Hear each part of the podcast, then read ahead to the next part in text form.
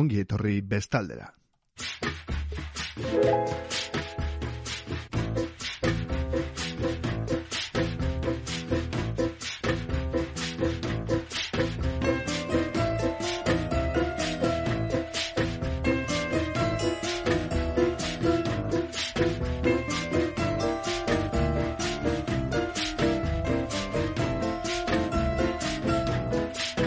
Egun entzuleok, eh, zer muruz zaudete bestalde hortan. Bestalde hontan ederki gabiltza, Jo Nolano Carlos dut izena, eta badakizue egunero e, ordu eta artiz aritzen gara hemen kulturaren berri ematen deka irretian. Badakizue kasare irretia zenenen sintonia delau, eundazazpi puntu laua.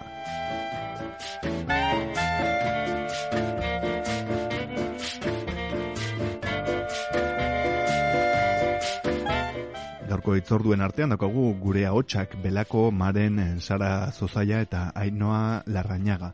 Victoria Juene antzokian arituko dira, badakizue emakumen nazioarteko egunari begira, eta gaur arituko dira, iluntzeko zortzietan, emezortzi euroan daude salgai sarrerak.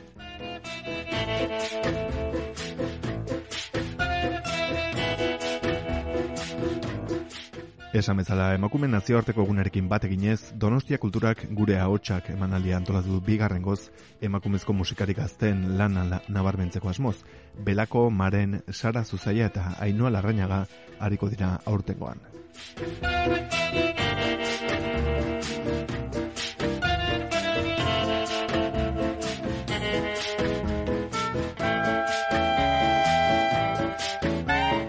Beste eman alibi berezi bat izango da Amalur, mila batzen dira urogeita zortzeko filma emango dute Santelmo Museoan gaur iluntzeko zazpietan. Amalur eh, pelikulaen proiektzioa eta sola salia izango da, badakizue Fernando Larrukart eta Nestor Basterratxeak irurogeita zortzian egindako filma dela, eta e, horixe emango dute emanaldi berezia izango da Euskadiko filmategiak eta Kresala Zineklubak antolatua Santelmo Museoan.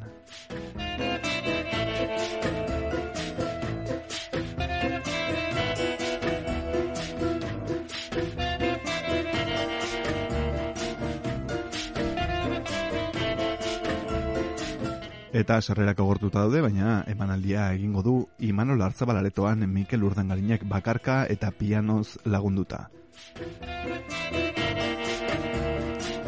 2000 garren urtean erosi zuen bigarren eskuko pianoa Mikel Urdangarinak eta amazazpi urte beranduago irekizion tapa. Apatiatik maite mintzerainoko jauzia tapa altxatuta mugimendu txiki horrek mundu berri bat ekarri dio. Eta gaur imanlo lartzabaletoan, lugaritz kulturetxean, iluntzeko zortzietan arituko da, Mikel Urdengarin pianoaz lagunduta. Guk segidan adituko dugu gaurko emanaldi horretan parteatuko duen Ainoa Larrañagak erabakiak izeneko albuma, eh, barkatu, albumak izan du eskuminak eta kantuak izan du erabakiak.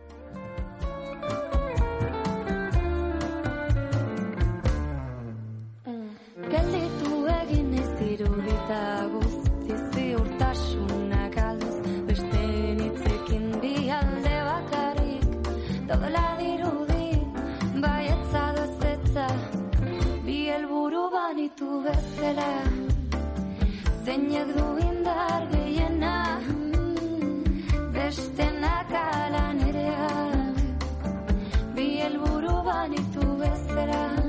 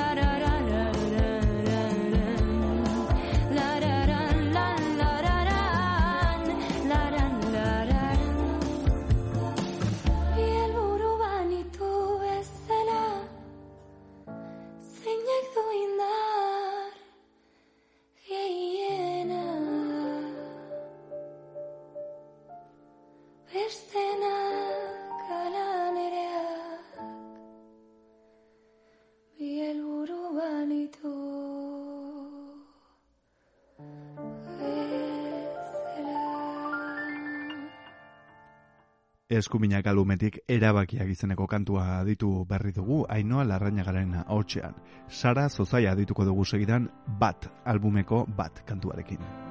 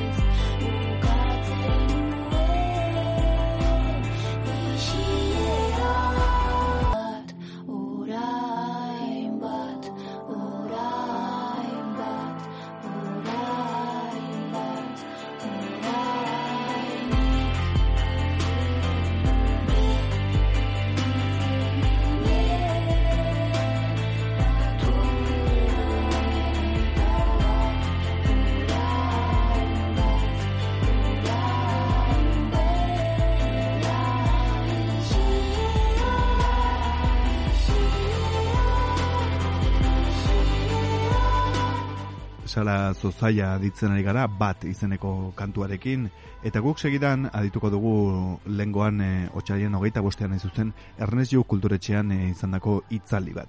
Lenguaje feminismo izena du propuestas para un debate.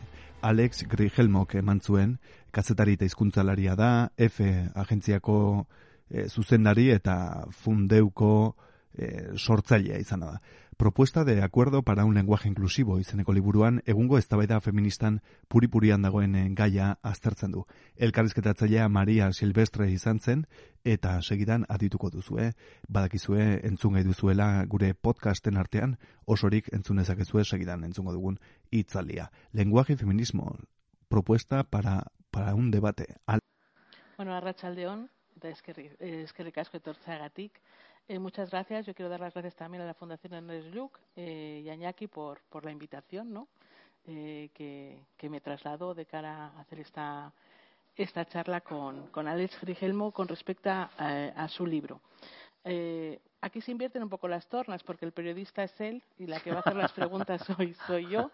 Entonces casi me voy a sentir un poco evaluada hasta por el profesional del periodismo ¿no? a la hora de plantear una entrevista porque no, la verdad es que no, no, no suelo hacer entrevistas. ¿no? Pero sí, la primera pregunta, ¿no? eh, Alex Rigelmo nos trae una propuesta de acuerdo sobre el lenguaje inclusivo en el uso del, del castellano que a mí me parece eh, sumamente interesante. Ya tengo que decir desde el principio, se lo comentaba él, que recogiendo ¿no? el, el cierra el libro, creo que uno de, los, uno de los aciertos que tiene el libro es el formato. ¿no? El, el libro se cierra con un listado de propuestas que llega hasta 36, eh, que luego se van argumentando, eh, o que se han argumentado previamente eh, antes, pero que desde ese, ¿no? desde ese listado nos, revi- nos, nos, nos señala en qué páginas podemos volver y encontrar ese, ese argumento. Me ha parecido un formato excelente. Desde ahí, desde esa numeración, yo le puedo decir que estoy de acuerdo en el 50%. Esta, podría entrar a negociar en otro 20% y en un 30% pues no estoy, no estoy de acuerdo, pero yo creo que ahí también la riqueza en el, en el debate. Entonces, la primera pregunta es eh, ¿por qué una propuesta de acuerdo sobre el lenguaje inclusivo? Porque mí me parece, la verdad es que muy valiente, eh, a, la, a la par que, que necesario, ¿no? Pero es decir, ¿cuál es la, la motivación que te lleva a hacer esta, esta propuesta. Muy bien, gracias, buenas tardes a todos. Muchas gracias por, por la asistencia, gracias María por aceptar esta conversación. Eh, pues es una propuesta porque yo no soy nadie, o sea, yo soy un periodista que, que escribe sobre lenguaje, que tiene mucha afición a, a la lingüística y a la filología. Y esto es un asunto que nos concierne a todos los que usamos la lengua española, ¿no? O lengua castellana, que son equivalentes. Yo, como soy de Burgos, a mí me gusta más decir lengua castellana, pero me parece perfecto que se diga lengua española también. Eh, yo, mm, como estudioso de la lengua, desde el periodismo, como periodista que soy, he ido eh, picoteando, porque los periodistas no somos especialistas en nada. Somos, si acaso, somos especialistas en cosas generales. Es decir, eh, sabemos a quién hay que preguntar cada cosa. En el caso de la lengua, yo más que además de saber a quién hay que preguntar cada cosa, porque conozco a filólogos, académicos, etcétera, sé también a qué libros tengo que preguntarles eh, algunas cosas. Y en esto del lenguaje inclusivo y el machismo del idioma y de los usos de la lengua, etcétera, yo he ido encontrando aspectos parciales en distintas obras. ¿no? Yo leía sobre el idioma indoeuropeo, que supongo que aparecerá en algún momento de la conversación. El indoeuropeo es nuestra lengua abuela, para entendernos. La lengua madre es el latín, la lengua abuela es el, el indoeuropeo. Y leyendo sobre el indoeuropeo, pues ahí ves cómo nacieron los géneros, o leyendo sobre pragmática te das cuenta cómo funcionan las presuposiciones, las insinuaciones, los sobreentendidos. La pragmática es la rama de la lingüística que estudia el sentido de lo que decimos, más allá de los significados. Eh, esto nos pasa todos los días. Eh, decimos a alguien, ¿tienes fuego? Y él nos, nos contesta, o ella, no fumo. Y yo podría decir, no, si lo que te he preguntado es si tienes fuego, no si fumas o no fumas. Pero el no fumo eh, no contesta directamente a la pregunta, pero nos sirve como respuesta porque lo importante es el sentido de lo que se dice, no las palabras exactas. ¿no? Bueno, pues eso es la pragmática. Entonces, la pragmática tiene mucho que ver con eso, ese más allá de las palabras en sí mismas, porque a veces nos quedamos en la literalidad de las, de las palabras o en los significantes y se nos olvidan los significados y más allá del conjunto de los significados, el sentido de lo que decimos. Bueno, leí sobre indo- indoeuropeo, leí sobre pragmática, he leído sobre lexicografía, sobre las distintas, sobre gramática, las distintas materias que tienen magníficos especialistas en la lengua castellana, en España y en América.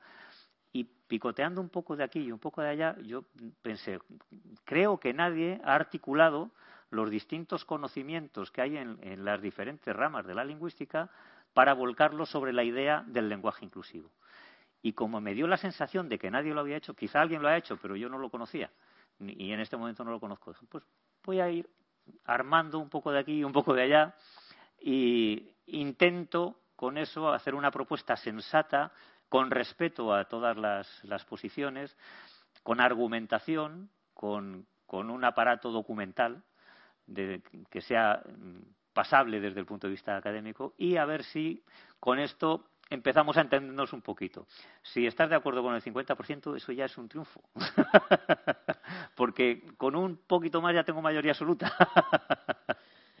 Eh, voy a empezar con algunos, algunas de las dudas que me plantea, ¿eh? más Ujú. luego dejamos igual para el final porque además coincide, ¿no? A medida que vas avanzando en el, el listado me voy sintiendo más cómoda y más de acuerdo, ¿no?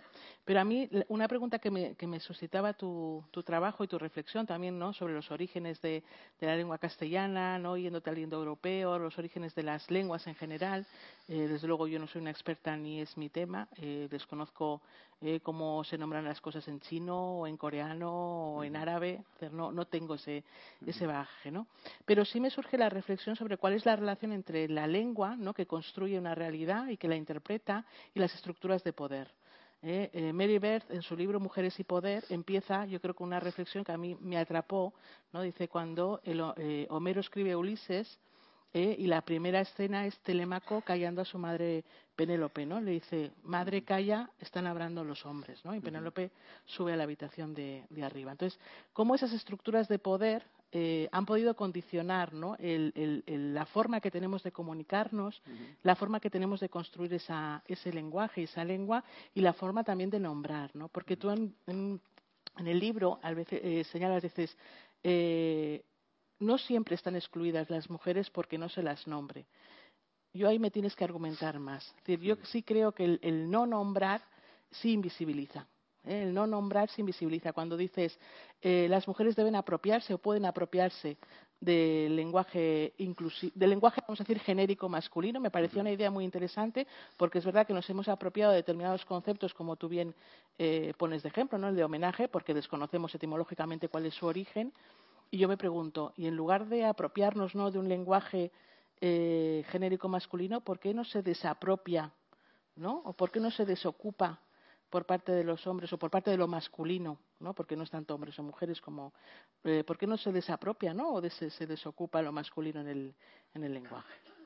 Bueno, vamos a ver, lo de Homero. Homero. Lo de Homero es literatura, no es lenguaje. Eso es responsabilidad de Homero haber hecho No, digo, con la relación con las estructuras de poder, ¿eh? por poner un ejemplo Claro, literario. es- Sí, pero las estructuras de poder y las lenguas. Yo creo que las estructuras de poder tienen mucha culpa en, en lo que nos pasa, en la desigualdad de, de las mujeres, eh, también históricamente en la violencia machista, es indudable, ¿no? La estructura de las sociedades patriarcales eh, ha producido una desigualdad entre las personas y yo creo que eso- esto es evidente y no, eh, yo creo no. yo desde luego yo no lo voy a discutir y estoy a favor de que eso se resuelva.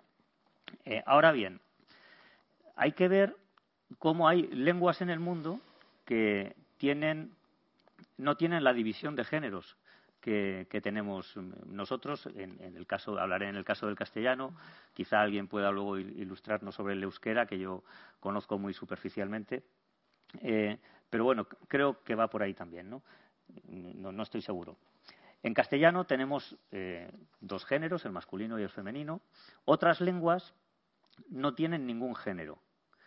O sea, son lenguas más igualitarias. Por ejemplo, el farsi, que se habla en Irán. La sociedad iraní no ha generado una lengua con dos géneros. Entonces, es una lengua más igualitaria. ¿Es la sociedad iraní más democrática y más igualitaria que la nuestra? Yo creo que no. El finés, que se habla en Finlandia, tampoco tiene géneros. ¿Hay alguna relación entre Finlandia e Irán en cuanto a igualdad de la sociedad?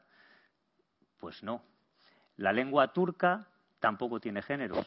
La lengua húngara, el magiar, tampoco. ¿Tienen algo que ver esas sociedades en cuanto a estructuras de poder, etcétera, con la nuestra? Hoy en día no. Por eso, El- en, en su origen, en su origen podrían estar reflejando unas formas comunitarias diferentes a las nuestras, ¿no? Diferentes a la que hemos heredado a través del latín por el Imperio Romano. Es decir, el euskera claramente no tiene esa distinción de género en muchos de los, en su lengua. Es decir, es, es muy comunitaria, pero hay quienes sostienen porque precisamente eh, viene de una sociedad donde el gure, el nosotros, la casa común, eh, prevalece ante el individuo, ¿no? ante el sujeto, más allá de si es hombre o, mujer. ¿no? Es decir, que, que habría una explicación de la etimología del euskera que estaría relacionada con la forma comunal de relación. Entonces yo por eso empezaba diciendo desconozco, porque no soy una experta, pero sí sospecho que las estructuras de poder y las formas comunitarias de interrelación pueden estar en la base de la forma, o sea, están en la base de la formación de las lenguas y de cómo nos Bueno, comunicamos. estaba ¿no? intentando explicar eso. Perdona, perdona. Eh, lo que digo es que las estructuras de poder son machistas en todas estas sociedades y, sin embargo, sus lenguas no. Luego, la relación entre estructura de poder y lengua no está tan clara, pero aún digo más. Hay lenguas en el mundo que tienen el genérico femenino. Hay varias lenguas en, en la zona del Caribe, por ejemplo, el, gua- el guajiro tiene el genérico eh, femenino, el zaise. Hay, lenguas eh, que ahora no son lenguas eh, muy habladas, pero que se dieron en sociedades tremendamente patriarcales, con un dominio abrumador de los hombres y que tienen el genérico femenino. Luego, científicamente, yo creo que no se puede sostener que hay una relación entre el género gramatical y las estructuras de las sociedades. Ahora, podemos decir, pues a mí me da la impresión de que sí, porque vivo en una eh, sociedad patriarcal y seguro que el lenguaje es consecuencia de eso. Bueno, aquí eh, tenemos que ser cuidadosos porque hechos correlativos no son necesariamente hechos relativos. Es decir, eh, no podemos decir que el sol sale porque canta el gallo. Como el gallo canta y luego sale el sol, seguro que el gallo tiene que ver en que salga el sol, ¿no?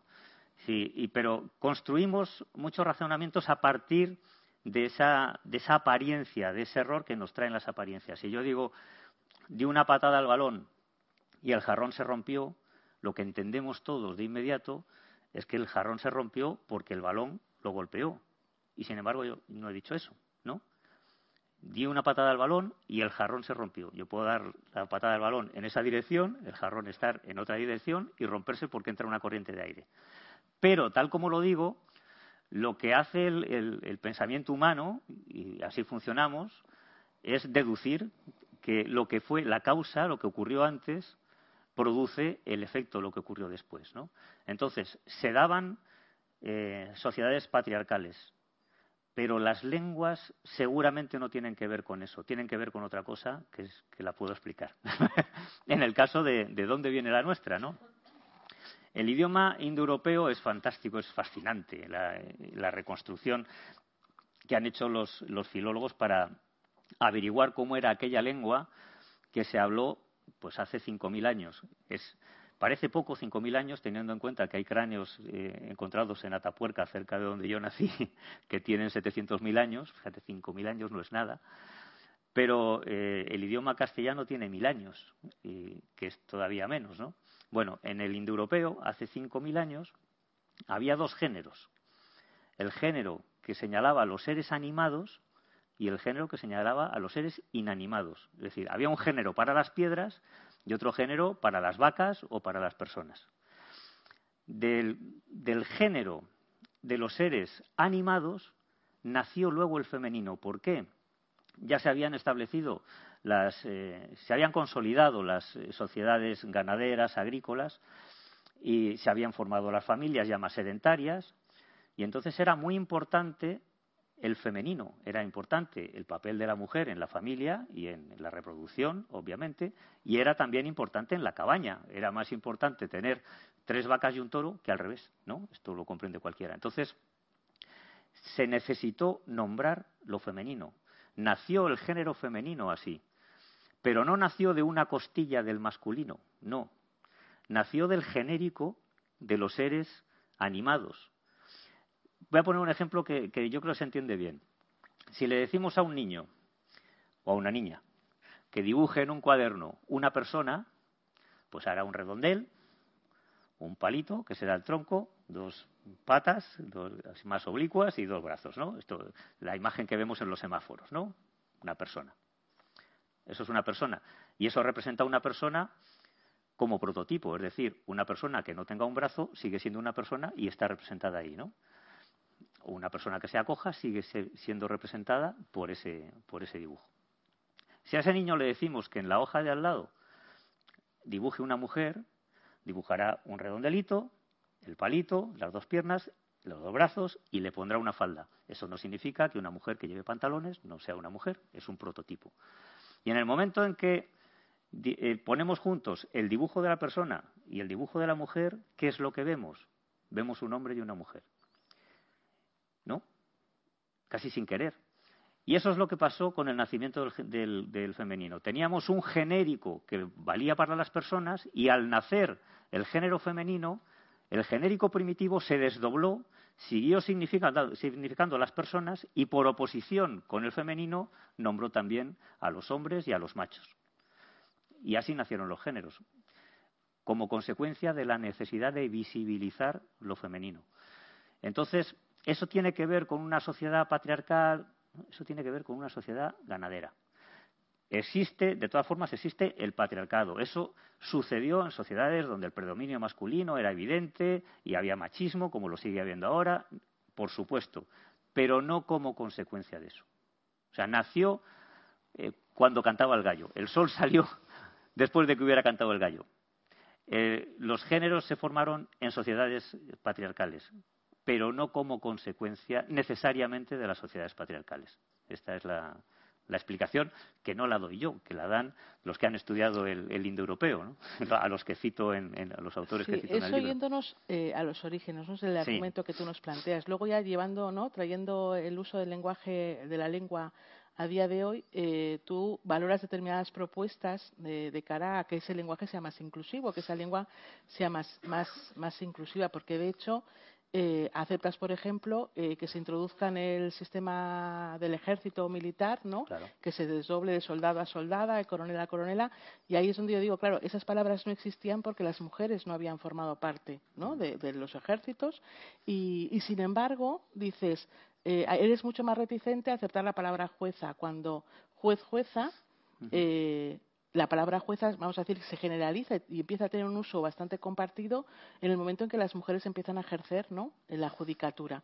Y yo creo que ahí te puede un poco el, el amor a la lengua castellana y a la estructura gramatical de la misma, ¿no? Es decir, porque es como determinadas eh, desdoblamientos, ¿no? De masculino al femenino te parecen correctos y además te parecen que son necesarios para visibilizar la entrada de las mujeres en determinados ámbitos en los que no han estado y por tanto el lenguaje no les ha no las ha recogido, pero en otros eres más reticente, pero a mí me da que la reticencia eh, la, la haces desde la querencia a la estructura lingüística y gramatical de la lengua, ¿no? Como a preservar, eh, que lo entiendo, ¿eh? Y me parece, pero ahí yo creo que, que, que entras en contradicción, es decir, si vamos a aceptar, si vamos a aceptar coronela, ¿por qué no vamos a aceptar jueza? No, es que yo no estoy en contra de que.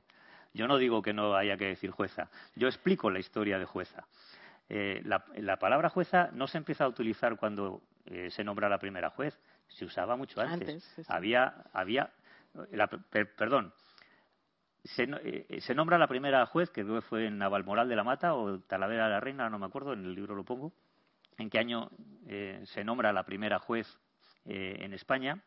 Pero la palabra juez para referirse a mujeres ya se usaba de mucho antes. Había jueces, mujeres, en gimnasia, en natación sincronizada. Es más, y recojo eh, declaraciones de, gimnastas españolas hace muchos años que decían las jueces no han sido eh, justas conmigo, me han calificado mal. O sea, la, la, eh, la palabra juez atribuida a mujeres se usaba antes de que hubiera jueces en la magistratura, ¿no? Y se, y se decía la juez. Cuando eh, en los años eh, 70, empie- en 80 empieza a haber eh, juezas, no tengo ningún inconveniente en decirlo, la palabra jueza estaba desprestigiada, porque se llamaba, sobre todo en los ámbitos rurales, jueza a la mujer del juez. Y igual que la alcaldesa era la mujer del alcalde, porque había muy pocas alcaldesas. En Bilbao hubo una, por cierto, Pilar Careaga se llamaba, me acaba de venir a la cabeza. Eh, había pocas alcaldesas y la alcaldesa era la mujer del alcalde, la jueza era la mujer del juez. Entonces, durante muchos años la palabra jueza no tenía el prestigio que ahora tiene y por eso eh, tardó en establecerse y, y- todavía hoy no está sentada en, la lengua, ¿no? Y los, en los corpus de la academia se ve que, todavía se abre. En los medios de comunicación sí, pero en el, en el habla popular no está tan, tan asentada. Y en América de una manera muy desigual. Está muy asentada en Chile, pero nada en México, por ejemplo, ¿no? ¿Qué pasa con jueza? Aparte de que eh, decir la juez y decir la jueza no añade, no cambia nada la información que recibimos. Si, si yo digo me va a juzgar una juez, digo lo mismo que si digo me va a juzgar una jueza. La información es la misma, o sea, no hay ocultación eh, de la mujer. ¿Qué pasa con las palabras terminadas en, en uez? Que son muy pocas, es que decimos la nuez, ¿no? Y decimos eh, la esbeltez y la brillantez. O sea, hay muchas palabras terminadas en ez que son femeninas. ¿no? Entonces, no hay ninguna necesidad de añadir esa. Porque además hay muchas palabras en, en castellano que terminan en consonante y que son lo que llamamos vulgarmente del género común, que es una manera mala de decirlo, sería palabras comunes en cuanto al género, que dirían los filólogos. Decimos, por ejemplo, concejal, y hay una tensión, igual que la hay con juez, para decir concejala. Pero no hay tensión para decir criminala, o para decir corresponsala, o para decir profesionala, ¿no? Entonces hay una tensión para modificar unas palabras sí y otras no. Y eso, como el genio del idioma, eso que nos alumbra a todos sin que nos demos cuenta, es muy analógico, se empiezan a, a producir ahí disfunciones. Entonces, jueza o juez. Ahora tenemos esa discusión en el periódico porque estamos revisando el libro de estilo y hay gente en el periódico que dice, no, la juez. Y hay gente, incluidas mujeres, ¿eh? Y hay gente que dice, no, la jueza. Bueno, pues al final no es una decisión por razones lingüísticas, sino que es una decisión por razones identitarias de identificarnos, identitarias, con el feminismo. Porque si dices jueza, entonces te pones una insignia y dices yo estoy con el feminismo, ¿no? Y No yo no, sé, no tengo, no- no tengo inconveniente, tan- no sea tengo inconveniente en ponerme esa identitario, insignia, ¿eh? Yo creo, que, yo creo que ahí el debate es, eh, porque tú lo decías muy bien, y pasa lo mismo con presidente o presidenta. Es decir, gramaticalmente hay un argumentario perfecto para decir que el presidente te incluye a la presidenta, y sin embargo el concepto de presidenta no se ha, impuesto como el de asistenta, ¿no? Mientras que otros entes eh, no, no parecen necesitarlo. O tú decías, eh, la, la juez realmente gramaticalmente no lo necesitaría. Entonces no responde, yo entiendo, a un criterio de uso gramatical de desdoble masculino-femenino, sino una necesidad de visibilizar, ¿no? de, de un carácter mucho más social, de construcción de una realidad que visibiliza Pero a es que si dices la juez, ya visibilizas que es una mujer. Sí, pero si dices la jueza todavía lo visibilizas Más. más. la mujer jueza. No, no, pero no, a ver, eh, yo sí creo que es importante. El, el- el lenguaje construye realidad y lo favorece. Yo me iría a otro tema que tú lo planteas eh, durante bastante tiempo en tu trabajo, es el tema de las duplicidades, ¿no? El os, as, si debemos repetir, si no debemos repetir. Eh, cuándo hacerlo, cuándo no hacerlo, es decir, porque tú no descartas la, duplicidad, eh, hay momentos en, lo- en los que manifiestamente crees que es, que es necesaria, ¿no? Yo te voy a poner un, ejemplo también un poco para que lo valores. Hay recientemente, hace poco, en YouTube, dos, un, profesor y una profesora de plástica han subido un experimento que han hecho con 800 estudiantes, niños y niñas entre 10 y 13 años, para un poco valorar eh, cómo construían o reflejaban la realidad a partir de, la lengua, ¿no? Entonces les decían, "Di- vais a dibujar, ¿no? Y entonces decían, vais a dibujar campeones. Eh, En otro momento, otro grupo les decían, ahora vais, bueno, a el grupo les decían, ahora vais a dibujar eh, personas que han ganado, ¿no? Un campeonato. Y ahora vais a dibujar campeones y campeonas. Entonces, ¿qué han dibujado esos niños y niñas? Cuando se les ha pedido que dibujen campeones, en un 80% han dibujado hombres ganando algo, ganando eh, un Fórmula 1, un partido de fútbol, en un podio, chicos. Cuando se les ha pedido que dibujen, tanto ellas como ellos, ¿eh? cuando se les ha pedido que dibujen personas que han ganado un campeonato, es decir, yendo a buscar un genérico no colectivo, han vuelto a dibujar más niños que niñas. En menor proporción, ¿eh? baja un 70%, pero la mayoría de los dibujos recogen figuras masculinas. Y en el momento en que les dices vas a dibujar campeonas y campeones es cuando aparecen en los dibujos las niñas. No en un 50-50, ¿eh? en un 40 y muchos, 50 y pocos. Es decir, en el momento en que nombras ¿no? Eh, a, las, a, a las campeonas, tanto los niños como las niñas no caen en la cuenta de que su dibujo también tiene que tener una, una mujer. Entonces, y, y termina este, este profesor y esta profesora en el vídeo diciendo, eh, es un dato que queremos aportar para un debate que es sumamente complejo, como es el del, del uso de la lengua, eh, pero que no deja de ser revelador cómo realmente la lengua no nos, nos construye ¿eh? el imaginario y cómo nos ayuda a interpretar la realidad. Yo por eso insisto, es decir, todo lo que signifique visibilizar a una mujer que en la lengua castellana está fuera, eh, para mí es positivo.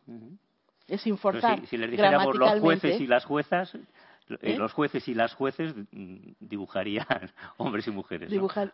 A ver, eh, los jueces y las juezas, en este O- caso. o los jueces y las jueces les Sí. daríamos la misma información. Bueno, Sí. si, si la gente quiere decir jueza, no pasa nada. La No, academia, la academia ese- admitió jueza con ese sentido eso. hace 20 años. Por ¿eh? eso, por eso O que sea, al no final la problema. lengua se construye desde el uso mayoritario que, que, ¿no? que le otorgamos. Por supuesto. A ver, los experimentos con niños. Eh, eso es un tema- por eso te lo sacaba, ¿eh? porque sí, eso es un eh, tema que los te quería niños hasta los 10, 12 años eh, no distinguen bien los dobles sentidos de las palabras, las implicaturas. O sea, los eh, experimentos con niños, esos convendría hacerlos más con adultos, ¿no? Porque el niño todavía está en fase de aprendizaje. Cuento alguna anécdota de cómo los niños no entienden los dobles sentidos, ¿no? Cuento en el libro, pues, un niño que lo oía en la radio cito el día y la hora en que lo oí, porque a veces estos estudios se hizo un, un experimento en un colegio y tal, pero a ver qué colegio con qué que podamos comprobarlo, ¿no? Iba, eh, lo contaba una madre, iba con mi niño y vio un cartel que decía piso sin entrada y el niño preguntó mamá ¿y por dónde entran en esas casas?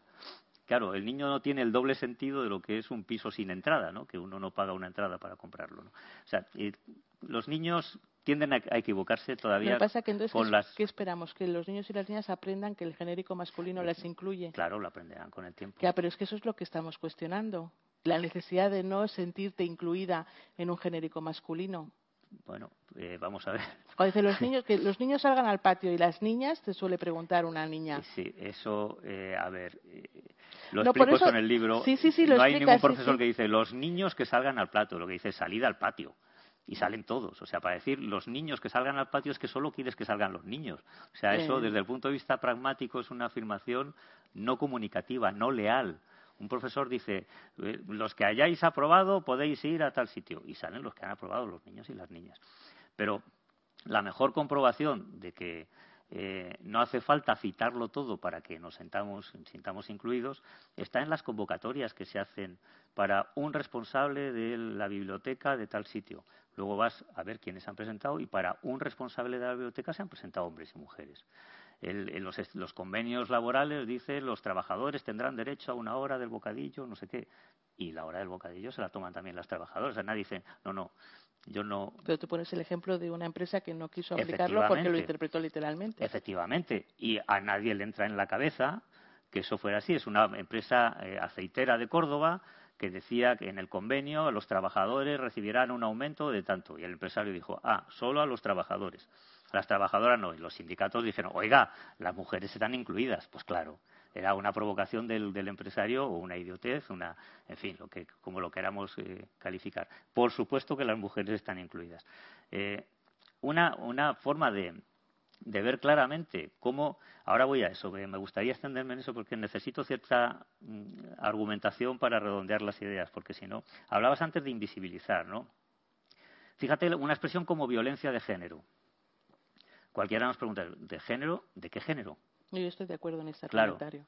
Esas de las que sí, estoy de acuerdo. pero y sin embargo o sea Se pero pero es que no hace falta o sea violencia de género todos sabemos que es la violencia de los hombres aunque no se especifique de, de qué género no tendría que para que todo estuviese nombrado y decir violencia de género masculino pero basta con decir violencia de género para que todos sepamos aunque no estén nombrados sí vemos detrás eh, a los hombres ¿no? Pero ha habido una pedagogía por parte del... Porque la ley se llama así, pero es mucho Bueno, claro. más acertada la que tú propones de violencia machista, No, sí, por ejemplo. pues yo creo que violencia machista condena lo que nombra, mientras que violencia de género no se sabe muy bien lo que es, ¿no? Porque hay- la palabra género a veces es positiva, hablamos de políticas de género, que son políticas de igualdad, y luego violencia de género. En políticas de género la palabra género es positiva, en la otra se sustituye por machismo, sería negativa, ¿no? A, a lo que voy, los contextos son los que dan la, verdad- la verdadera medida de, de lo que significan las palabras, ¿no? Y, nos pasa cada día, si eh, es la diferencia entre significante y significado, es que me tengo que remitir a eso. Si yo ahora he ido al hotel pides una, la llave del hotel, y claro, la palabra llave que tenemos en la cabeza es un objeto de metal que abre la puerta, pero en el hotel te dan una tarjeta de plástico, y eso es una llave. No tiene nada que ver la idea de llave que te dan en el hotel con la idea de llave con la que abres en, tu casa. Son dos objetos completamente distintos. Es el mismo significante para dos representaciones mentales eh, distintas. Pero imagínate la palabra llave, si yo digo, eh, ten cuidado con esas llaves, imagínate que te has dejado unas llaves aquí, eh, María, ten cuidado con esas llaves, que te las vas a olvidar, ¿no? Pero si yo digo, ten cuidado con esa llave, y yo soy el entrenador de un- una judoka, fíjate lo que cambia el significado, ¿no? Por el contexto. La palabra llave ha cambiado completamente el significado porque el contexto se apropia de ella. Si yo digo, Hernández es una estrella de la diplomacia, seguro que todos ustedes han pensado en un hombre. Y yo no he dicho nada del género masculino, incluso he dicho una estrella de la diplomacia, todo femenino, Hernández. ¿A qué han pensado en un hombre? Pues Hernández puede ser una mujer. ¿Por qué han pensado en un hombre? Porque la mayoría de los diplomáticos son hombres y entonces el contexto ¡blum! se apropia de- del significante. Pero si yo digo Muguruza fue crucial para la victoria de España ante Rumanía, entonces, como Muguruza, el contexto, su conocimiento de, de la actualidad y del mundo, saben que es una mujer, aunque yo no haya dicho Garbiñe, Muguruza, yo he dicho solo Muguruza, han pensado ustedes en una mujer. Entonces, y, y las mismas estructuras sintácticas, etcétera, conducen a resultados distintos porque es el contexto el que entra ahí. Si yo digo en el Congreso se sientan 350 diputados, ustedes saben, por el conocimiento que tienen del mundo, que son hombres y mujeres, ¿no? Ahora, si yo digo, eh, tengo dos hijos, ustedes no saben si tengo un hijo o una hija, ¿no? Porque no tienen el contexto suficiente. Entonces, cuando tenemos un contexto suficiente, rellenamos las palabras. Y las, el- lo que utilizamos como genérico, que llamamos mal genérico masculino, es, es en realidad un genérico. Es el genérico, que coincide con el masculino, por lo que he explicado. Pero si tenemos los contextos, todo eso cambia. Si yo digo, en el concurso de belleza participaron 23 jóvenes, ¿en qué sexo han pensado? En mujeres. Porque los concursos de belleza que conocemos y que nos están continuamente martillando son de mujeres, ¿no? Pero si digo tres policías detuvieron a los terroristas, ¿en qué tres ¿cuál es el sexo de esos policías que ustedes han pensado? Han pensado en hombres porque la mayoría de los policías que tenemos en la cabeza todavía, a pesar de que cada vez hay más mujeres, son hombres. Y terroristas también. Detuvieron a los terroristas, ustedes también han pensado en hombres. Entonces, lo importante es el contexto, porque es lo que activa el significado de las palabras o el sentido de lo que decimos. Actuemos sobre el contexto, actuemos sobre la realidad. Cuando haya más policías, mujeres que hombres, al hablar de policías pensaremos igual que diputados pu- o profesores o mis vecinos o la asociación de vecinos del barrio no pensamos que solo sean hombres. Sabemos que los vecinos son hombres y mujeres ¿no? entonces lo importante es el contexto. Cambiemos los contextos cambiemos la realidad actuemos sobre las desigualdades actuemos contra el machismo. Y una vez que las desigualdades se hayan corregido la lengua acompañará eso Pero ahí tú dices, mira, yo ahí estoy completamente de acuerdo, ¿eh? de actuar sobre el contexto, porque el contexto es desigual y el contexto nos da unos significados muy desiguales, ¿no? Y una atribución de valor muy distinta eh, a, a la- a las palabras y al uso que, de las, que hacemos de las, de las palabras. Ahora, yo creo que cuando alcancemos una igualdad real y efectiva, eh, ya no habrá un genérico masculino. En la lengua habrá cambiado. Es decir, el colegio de, el colegio de abogados de Vizcaya, ¿no? que ha sido el ilustre colegio de abogados de Vizcaya, ha sido el ilustre colegio de abogados de Vizcaya durante más de 100 años. Ahora se llama el ilustre colegio de la abogacía. ¿Por qué? Porque las mujeres están estudiando derecho, las mujeres son abogadas y las mujeres han llegado al colegio y han dicho, en el, no me siento cómoda en un colegio que se llama ilustre colegio de abogados. Entonces, cuando la realidad cambia, la lengua cambia. Yo no creo que cuando alcancemos marcos más igualitarios la lengua vaya a seguir siendo la misma, va a ser diferente. Y a mí me parece muy interesante la distinción que haces entre significantes y significados, porque yo suelo utilizar un ejemplo en clase y es una misma estructura gramatical, cómo tiene un, significado tan distinto precisamente derivado del contexto. ¿no? Yo por- suelo poner el ejemplo de ¿qué piensas, no? o qué piensan ustedes cuando hablamos de una madre trabajadora? ¿no? Y solemos pensar en una madre ¿m? que eh, trabaja fuera de casa. Es decir, es una madre que tiene hijos e hijas y que además trabaja fuera de casa. Cuando pensamos en un padre trabajador, solemos pensar más en un hombre que trabaja y que trabaja bien. Entonces tenemos una estructura sustantivo-adjetivo que cuando la hacemos en femenino, el- lo que tiene peso en el significado es el sustantivo madre frente a trabajadora, y cuando utilizamos la estructura en masculino, padre trabajador, lo que tiene, lo que tiene peso en la estructura gramatical es el adjetivo trabajador y no tanto la figura del padre. ¿no? ¿Por qué? Porque la propia definición de padre y madre, de maternidad y paternidad, de lo que es un buen- ser un buen padre o ser una buena madre, se define socialmente y culturalmente desde el contexto de forma desigual. Para ser una buena madre se exige la presencia de la mujer en el cuidado. Para ser un buen padre no se exige la presencia del hombre para el cuidado. ¿No? Una mujer se siente culpable o mala madre si no está y un hombre no lo siente así. ¿no? Todo eso es aprendido ¿no? en, la- en el aprendizaje de cómo aprendemos a ser hombres y mujeres. Y eso se transmite en el, en el lenguaje, ¿no? es decir, en el uso que hacemos de esos, de esos significados. Entonces, a mí me parece fundamental ¿no? abordar el contexto, trabajar por la igualdad entre mujeres y hombres, pero creo que una forma de hacerlo no es solo eh, abordando la realidad, ¿no? Es decir, y favoreciendo eh, pues que las mujeres acceden a los ámbitos de poder y de toma de decisión, o que los hombres entren a las tareas de cuidado, ¿no? O, tantas y tantas cosas que se pueden hacer para conseguir la igualdad entre mujeres y hombres. Creo que también desde el lenguaje o desde la lengua podemos provocar cambios en, en la realidad. Yo estoy convencida de que la lengua construye realidad. La, le- la lengua nos ayuda a entender la realidad que tenemos enfrente. Es decir, si no, si no tuviéramos la capacidad de comunicarnos, la realidad prácticamente, ¿no? Eh, si no se verbaliza, si no se expresa de alguna manera, eh, sea a través de la lengua, de la pintura, del arte, de la cultura, esa realidad deja de tener sentido, deja de tener significado, ¿no? Entonces, el lenguaje construye realidad, construye la realidad con la que luego tenemos que inter- interactuar. Entonces, de la misma manera que estoy completamente de acuerdo contigo de que hay que trabajar el contexto, eliminar la desigualdad entre mujeres y hombres para poder luego, ¿no? Apropiarnos de un, o sea, eh, eh, tener una lengua, ¿no? Que responda o visibilice esa mayor igualdad. Creo que cambiando la lengua también estoy forzando un cambio en la mirada, un cambio en la interpretación, una mayor visibilización, ¿no? Un entorno ¿eh? que me cuestiona, que me hace eh, y reconozco, ¿eh? yo comparto contigo que, hay que, que eso no se puede forzar, que eso no puede ser obligatorio, que eso tiene que venir con el tiempo, pero también tiene que venir desde una militancia y desde un esfuerzo, y que no vas a poder imponer un uso de una lengua que la gente no te, no te compre, es decir, que no, que no lo quiera. Entonces, por eso a veces dices, cuando dice la miembra o la portavoza, ¿no? Entonces, pero ¿qué, qué he dicho, no? Eso, eso atenta contra la lengua. El tiempo dirá si esos conceptos, que ahora no, no parece que calan, se van a utilizar o no, ¿no? Y sin embargo otros han entrado más rápido, ¿no? Y vienen a, a significar cosas que antes no, no existían. Entonces, eh, volviendo a una pregunta que te planteaba al principio, pero como te he preguntado tantas cosas a la vez no, no has podido contestar, pero es la afirmación cuando tú dices, ¿no? Es decir, que crees que cuando la sociedad sea más igualitaria, las mujeres nos vamos a sentir más cómodas en ese mal llamado genérico masculino, yo eso no lo creo, creo que la la lengua entonces cambiará.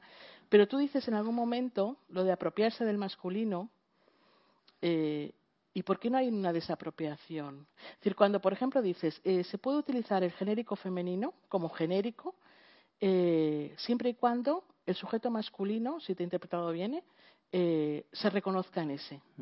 ¿Y por qué no es necesario nuestro reconocimiento en el genérico masculino? Yo no, no digo se puede usar, digo se usa. O sea, yo, yo no soy quien cuando- para decir lo que se puede usar, No, lo que no se puede usar. pero no, como- no me Pero que, encasilles se- no, en que sería sitio. Legítimo cuando el no, cuando el hombre se siente o afirma, se afirman en nosotras. Vamos a ver, eso lo dice Mercedes Benguechea, que es una filóloga, filóloga feminista, recogiendo, por cierto, un artículo mío que se tituló Jugamos tranquilas. Pero yo recojo tu idea del inverso, es decir, de la mirada inversa, que también lo mencionas. Entonces, ¿por qué no hacemos una mirada inversa en esa afirmación? Eh, me he perdido, pero estoy de acuerdo en todo lo que has dicho. Para empezar, estoy de acuerdo en todo lo que has dicho. No, no, no, no voy a debatir sobre eso porque porque no tiene sentido debatir con alguien con quien estar de ya te he acuerdo. dicho ¿no? que en el 50 estábamos de acuerdo. Sí, bueno, pues ahí ha tocado parte del 50. Sobre mm, lo de apropiar, primero lo del Consejo General de la Abogacía, eso funciona unas veces y otras no. O sea, sí, el, eh, el Colegio General de Abogados se llamará Consejo General de la Abogacía. Correcto, perfecto. Son estas propuestas de sustantivos abstra- abstractos que han aportado las filólogas feministas con las que suelo estar de acuerdo, porque conocen muy bien el lenguaje y hacen propuestas muy interesantes. Pero eso no funciona siempre. Yo puedo decir, mis vecinos hacen ruido, pero no puedo decir, mi vecindario hace ruido. O puedo decir, esta, eh, esta es una calle de peatones, pero no puedo decir, es una calle para el peatonado. O sea, eh, los, los sustantivos abstractos funcionan unas veces. Puedo decir españoles y españolas, pero no puedo decir el españolado. O, vascos y vascas, pero ¿cómo diría? El, o sea, no tenemos sustantivos abstractos para todo. Cuando los tenemos, está muy bien aportarlos. Eso requiere, en la lengua común, requiere un gran ejercicio de concentración, porque tenemos que distinguir lo que es eh, la lengua cultivada, que dice el profesor Moreno Cabrera, frente a la lengua común, la lengua natural. Cuando nos expresamos en público, está muy bien que dupliquemos, y tú decías que yo soy favorable, soy favorable, porque me parece una eh, señal de identidad con unas reivindicaciones que comparto. Yo puedo decir eh, vascos y vascas, eh, donostiarras y donosti donostiarras. Ahí no hay problema. Burgaleses y burgalesas. Claro, por lo que sí. Eh, eh, easotarras era, era tal- no, no, había otro gentilicio easonense, easonenses, easonenses, tampoco hay género. Bueno, puedo decir murcianos y murcianas. Me parece muy bien, porque en el momento en que hago unas duplicaciones moderadas, ya se entiende que, joder, que es que estoy a favor de eso, que es que estoy, estoy luchando contra la desigualdad, que yo comparto eso. El problema es mantener eso en todo el discurso eh, es insoportable. ¿no? Eso es que además requiere una concentración que ninguno estamos dispuestos a tener. Yo no puedo decir eh, los niños y las niñas que hayan sido buenos y buenas, que salgan juntos y juntas para ser premiados y premiadas. No, no es posible hablar así. No es posible. Entonces, una duplicación moderada que me implique, que implique al que está en uso de la palabra con el movimiento feminista me parece fantástica. Las duplicaciones estaban en el mío CID.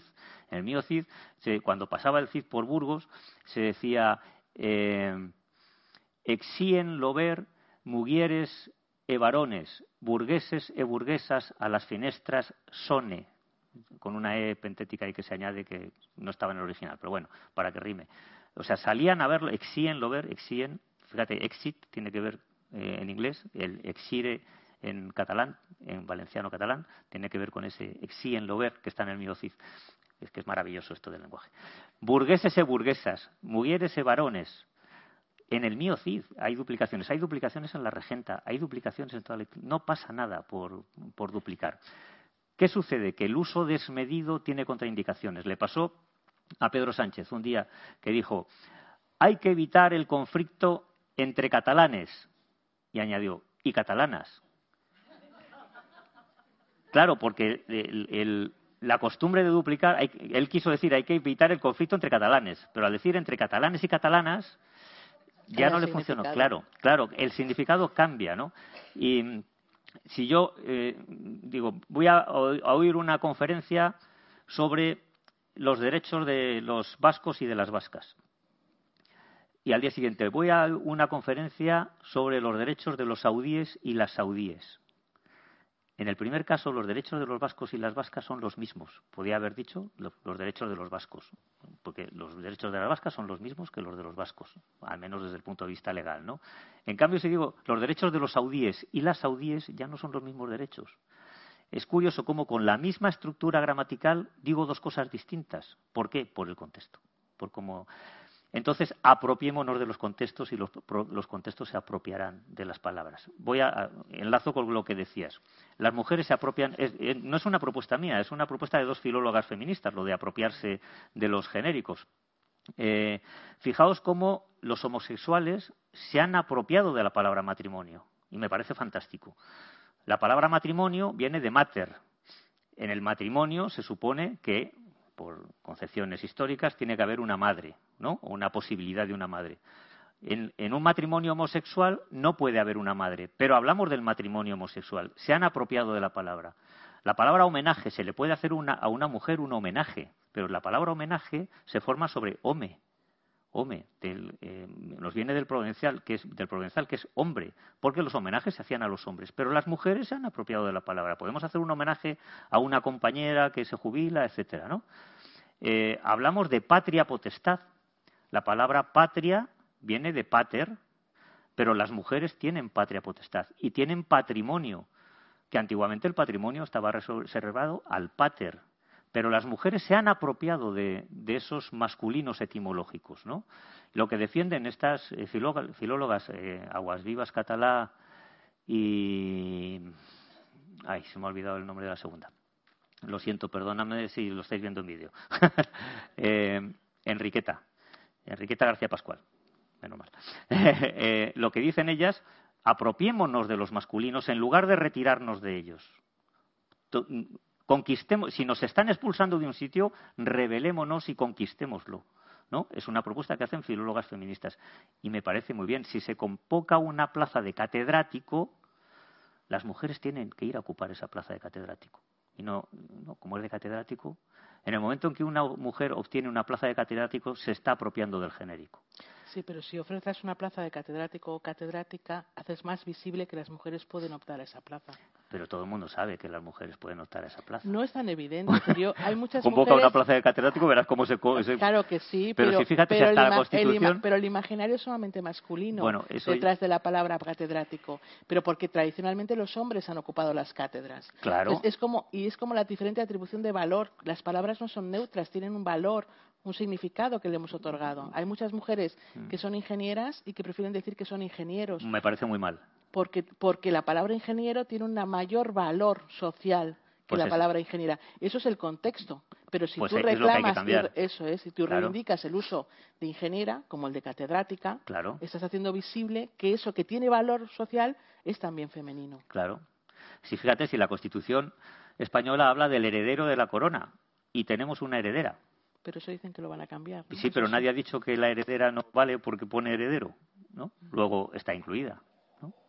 O sea, si, si en la Constitución Está duplicaran... incluida hasta que nazca un varón, si Pues naciera. sí, pero eso no es por la palabra. no, no, digo, eso- pero que si naciera un varón eh, dejaría de estar Sí, incluida. pero eso es por otro punto de la Constitución, no porque ponga heredero. Pero es porque es varón. Es decir, el- Sí, sí, es, sí. es una decisión misógina. Sí, por supuesto, Ah, vale. por supuesto. No, no, faltaría más. Estoy de acuerdo con eso, pero yo hablo de la palabra. O sea, con la palabra heredero puede, puede haber una heredera. Si duplicásemos todas, todos los genéricos de la Constitución, ¿se ampliaría algún derecho de la mujer en España? Serían los mismos derechos. Luego, si en el Estatuto de los Trabajadores pusiéramos y de las trabajadoras ¿Pasaría algo distinto de lo que pasa ahora? No, todos los jueces considerarían que trabajadores. O sea, eh, eh, con las emociones yo todo el respeto, ¿no? Cuando dices, es que o no nos sentimos o yo no me siento, bueno, contra las emociones personales, las visiones personales, nada que oponer, mm, máximo respeto, entiendo de dónde venimos, entiendo cuál es el debate, hay una posición de desigualdad que se proyecta sobre el idioma, etcétera, etcétera. Pero yo no creo que la culpa sea del idioma. No, yo no, creo no, que con una, con una misma idioma. lengua, fíjate que el inglés es más inclusivo que, el español, tiene muy pocas palabras dotadas de género, pero en la cultura anglosa- anglosajona las mujeres llevan el apellido del marido, que a nosotros eso ya nos parece de otro siglo, ¿no? O sea, Hillary Clinton, pero ¿por qué se tiene que apellidar Clinton, no? O eh, Michelle Obama, pero ¿por qué se tiene que apellidar Obama? Aquí una mujer llevaría el apellido del marido ahora en política, no. Pues estás en una sociedad con una lengua mucho más igualitaria y pasan esas cosas, ¿no?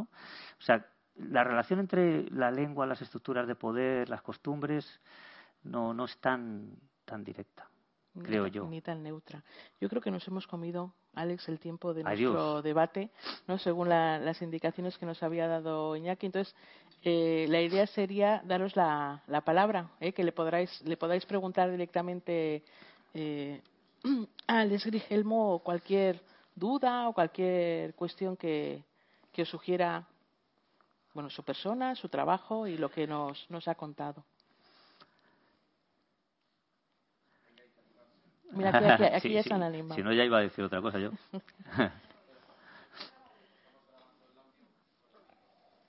Nada, yo soy periodista como Alex Grigelmo y antes de que por Internet fuera tan fácil buscar el significado de una palabra, yo disfrutaba muchísimo con el María Moliner y bueno, pasaba grandes ratos y pensé que qué gran invento había hecho esta mujer. Entonces, luego cuando ya se supo que ella no le habían dejado entrar en la Real Academia de la Lengua y demás, pues yo desde aquí propongo que ante la duda, palabras como juez o jueza, pues a favor de la Moliner que se admita jueza. Ante la duda de concejal y concejala, como homenaje a esa gran mujer, sea concejala. Y si yo llego a estar en el país, desde luego que votaría a favor de jueza y concejala. pues estoy de acuerdo. Yo creo que, al final pondremos jueza, ¿no? Pero como, como identificación con esa idea. Y del mismo modo que, usamos topónimos en catalán o en euskera eh, por, por una cuestión de, de solidaridad. O sea, eh, vamos a ver, eh, no, no- pondré ejemplos del catalán porque los tengo más, con el euskera no me atrevo tanto, pero eh, nosotros decimos Lleida, ¿no? Aunque en castellano la palabra es Lérida, ¿no? Cuando los catalanes hablan en catalán dicen Zaragoza, no dicen Zaragoza, aunque sea el nombre oficial de Zaragoza. Es decir, todas las lenguas tienen exónimos, eh, que las grandes ciudades del mundo tra- son traducidas a otros idiomas. Eh, nosotros renunciamos a eso por una señal de cortesía, ¿no? Nos olvidamos de las reglas de la lengua, según las cuales lo que se llama toponimia mayor se traduce y la toponimia menor no, y nosotros decimos eh, Girona y, todos los topónimos catalanes. Pero en TV3 tú ves que dicen Terol, dicen Conca, dicen Cádiz, eh, Zaragoza y Osca, o sea, utilizan los topónimos en catalán pese a que los nombres oficiales son otros, ¿no? Nosotros no, no respetamos esa simetría, sino que decimos, nombramos vuestros topónimos, ¿no? Con juez, con jueza, tomaríamos la misma eh, medida, no por razones lingüísticas filológicas, sino por identificación, por solidaridad, por el recuerdo de María Moliner, por eso lo haríamos. Sí, sí, sí. Pero María Moliner no puso jueza, ¿eh? Porque entonces jueza era la mujer del juez. Y es que esa era la realidad.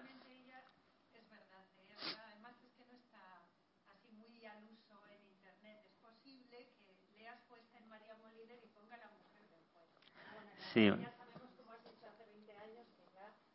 Sí, sí, lo de jueza como, como persona que ejerce el cargo de juez está hace más de 20 Ahora lo pongo en el libro la, fecha exacta, hace muchísimo tiempo que se puede decir eso, ¿no? Y yo no estoy en contra, yo simplemente digo que esa no es una decisión lingüística, como decir la joven. Si dices la joven, ya sabes, no hace falta que digas la jovena, ¿no? Añadir una A no es necesario. Hay muchas palabras del género común, cientos de palabras del género común. Entonces, actuamos sobre unas sí, sobre otras no. Eh, a mí eso es lo que me parece un poco. No, no, no lo acabo de entender. Pero no vamos a discutir por eso, seguro, seguro, seguro. Con, con lo de- sí quería poner un ejemplo que me parece interesante porque es un fenómeno de la lengua que una parte representa un todo. Eh, y esto es lo que se llama sinécdoque metonimia. Los que recuerden eso del bachillerato, hayan estudiado filología lo tienen claro, ¿no? Eh, la parte por el todo, ¿no? Eh, Cuando decimos échame una mano, no te echo la mano, sino que te ayudo. no, no estamos hablando de la mano, es la parte del cuerpo por el todo, ¿no? Esas cosas. Eh, con el genérico masculino, mal llamado genérico masculino, porque debería ser el genérico, que a veces también es masculino, el genérico pasa lo mismo que en otros ámbitos de la lengua, por ejemplo, con día y noche. El día engloba al día y la noche, del mismo modo que el genérico masculino, mal llamado así, engloba al masculino y al femenino, ¿no? Pero hay veces en que la duplicación es buena. Si, si yo digo, eh, tardé ocho días en, en, en, no sé, en ir a Burgos, porque iba andando. Tardé ocho días en ir a Burgos desde Madrid. Eh, se entiende que tardé ocho días y ocho noches. No hace falta que yo diga noche, porque yo todos sabemos por el contexto, por nuestro conocimiento del mundo, que el día comprende el día y la noche. Pero si digo, en terminar este trabajo estuve ocho días y ocho noches. O, bueno, ocho no. Tres días y tres noches para terminar esta novela, ¿no? En ese momento es muy importante la duplicación, porque añado significado. Igual que si digo tengo un hijo y una hija, porque si usted no conoce, no, tengo un hijo nada más, por cierto, pero, pero si, si yo digo tengo dos hijos, no soy lo suficientemente cooperativo al hablar, que esto viene de la pragmática. Hay que cooperar con el que te escucha. Tendría que decir, tengo un hijo y una hija, porque si digo tengo dos hijos, podrían ser dos varones, ¿no? Entonces, todo depende de las situaciones, de cómo nos queramos comunicar y, y de los contextos. Perdón, no me he extendido demasiado. Yo no tengo prisa, ¿eh? O sea, si- lo único el personal de acá que tendrá sus... Aquí, aquí, aquí delante.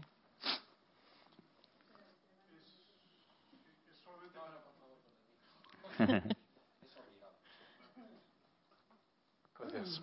Es solamente para pedirte tu opinión, nada más. El viernes yo estuve en una reunión de una asociación a la que pertenezco, eh, convocada a la asamblea porque había que rectificar los estatutos de la asociación, porque no incluían un lenguaje no sexista.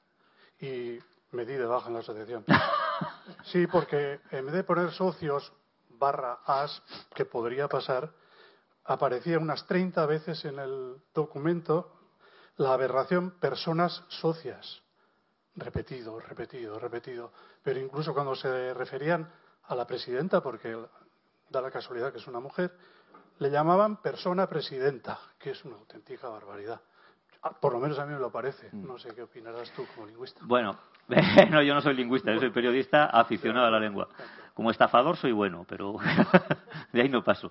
Eh, eso no me parece mal, no se me eche encima, porque intenta denunciar una situación de desigualdad. Sí, sí, ah, eh, sí. Bueno, intenta decir, bueno, nosotros estamos con esta corriente, con, eh, con- somos conscientes de las injusticias y nos sumamos a eso.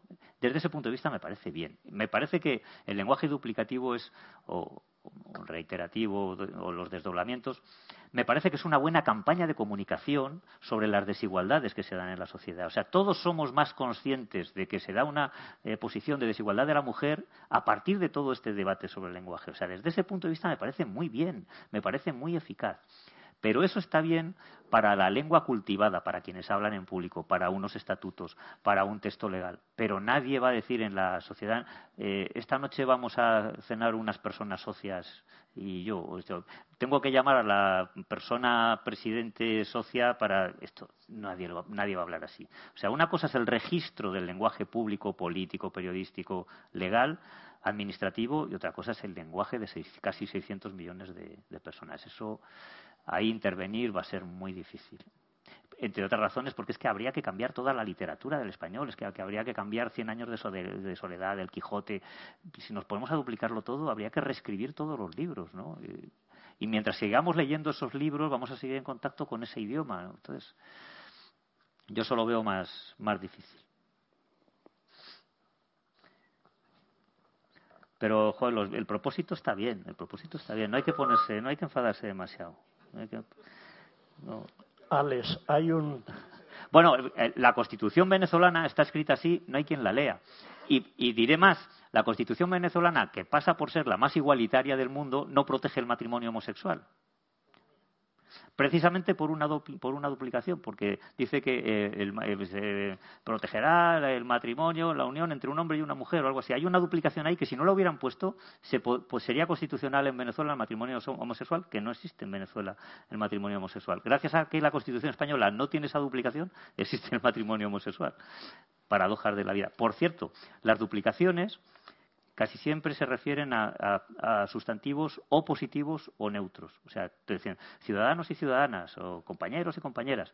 Pero la propia Constitución venezolana dice que la víctima de un delito tiene derecho a que se persiga a los criminales. No dice o las criminales o criminalas. ¿no? Y nosotros mismos, las- en el lenguaje político, se dice hay que subir los impuestos a los ricos no se duplican las ricas, ¿no? Hay que acabar con los poderosos y las poderosas, los empresarios y las empresarias. O sea que eso, los criminales y las criminales. Decimos, hay que detener al asesino y no sabemos quién es, porque es masculino, ¿no? Al asesino o a la asesina. Es decir, eh, todo tiene su, su doblez, ¿no? Y con esto no estoy descalificando, insisto, las duplicaciones que me parecen bien, como he explicado en el caso del día y la noche, es una duplicación que en muchos casos, si voy a pasar tres días en Madrid, se supone que también pasar las noches, ¿no? Vas a pasar el día, vuelves a San Sebastián, luego vas a pasar el día, luego vuelves para no pasar la noche. Nadie entiende eso, ¿no? Pero si digo, estuve trabajando tres días y tres noches, es interesante. Y hay duplicaciones que están bien. No sé, no sé si conocerás, Alex, algo que se ha resuelto recientemente eh, aquí muy bien. Es el himno de la Real Sociedad. ¿Lo sabes? No, pero me encantaría saberlo, porque Pues soy muy te, lo, te lo voy a contar. Mira, Aunque estoy un poco enfadado con la Real Sociedad desde el otro día, ¿eh? que estuve yo en el Bernabéu viendo ese partido. Ay, pues eh, el himno de la Real decía en un momento en euskera, aupa, chicos, eh, aurrerá, seguir, que vamos a ganar y tal, tal, tal. Resulta que ahora, además del equipo de fútbol de chicos, de hombres, pues está ahí también equipo de fútbol de mujeres, de chicas. Y al llegar ese himno que se tocaba en lo- por los altavoces cuando jugaban las chicas, decían, aupa los chicos, eh, adelante, que vamos a ganar, etcétera, ¿verdad? Y claro, Mutillak, los. Aurrera, y- Aurrera, y las Aurrera, chicas, lo han... re- Exacto. Bueno, si conoces... Bueno, pues ahora tienes que aprender el nuevo, porque dice realistas. En lugar de aupa chicos o aupa chicas, aupa realistas. Ha quedado muy bien, lo han resuelto muy bien y todo el mundo está contento. Y termino con una coletilla esto. Hay otros equipos que también su himno lo tienen en euskera, porque son equipos de aquí, que se han negado a esto. Qué curioso, ¿verdad? Está bien. Bueno, a mí eso me parece bien, ¿eh?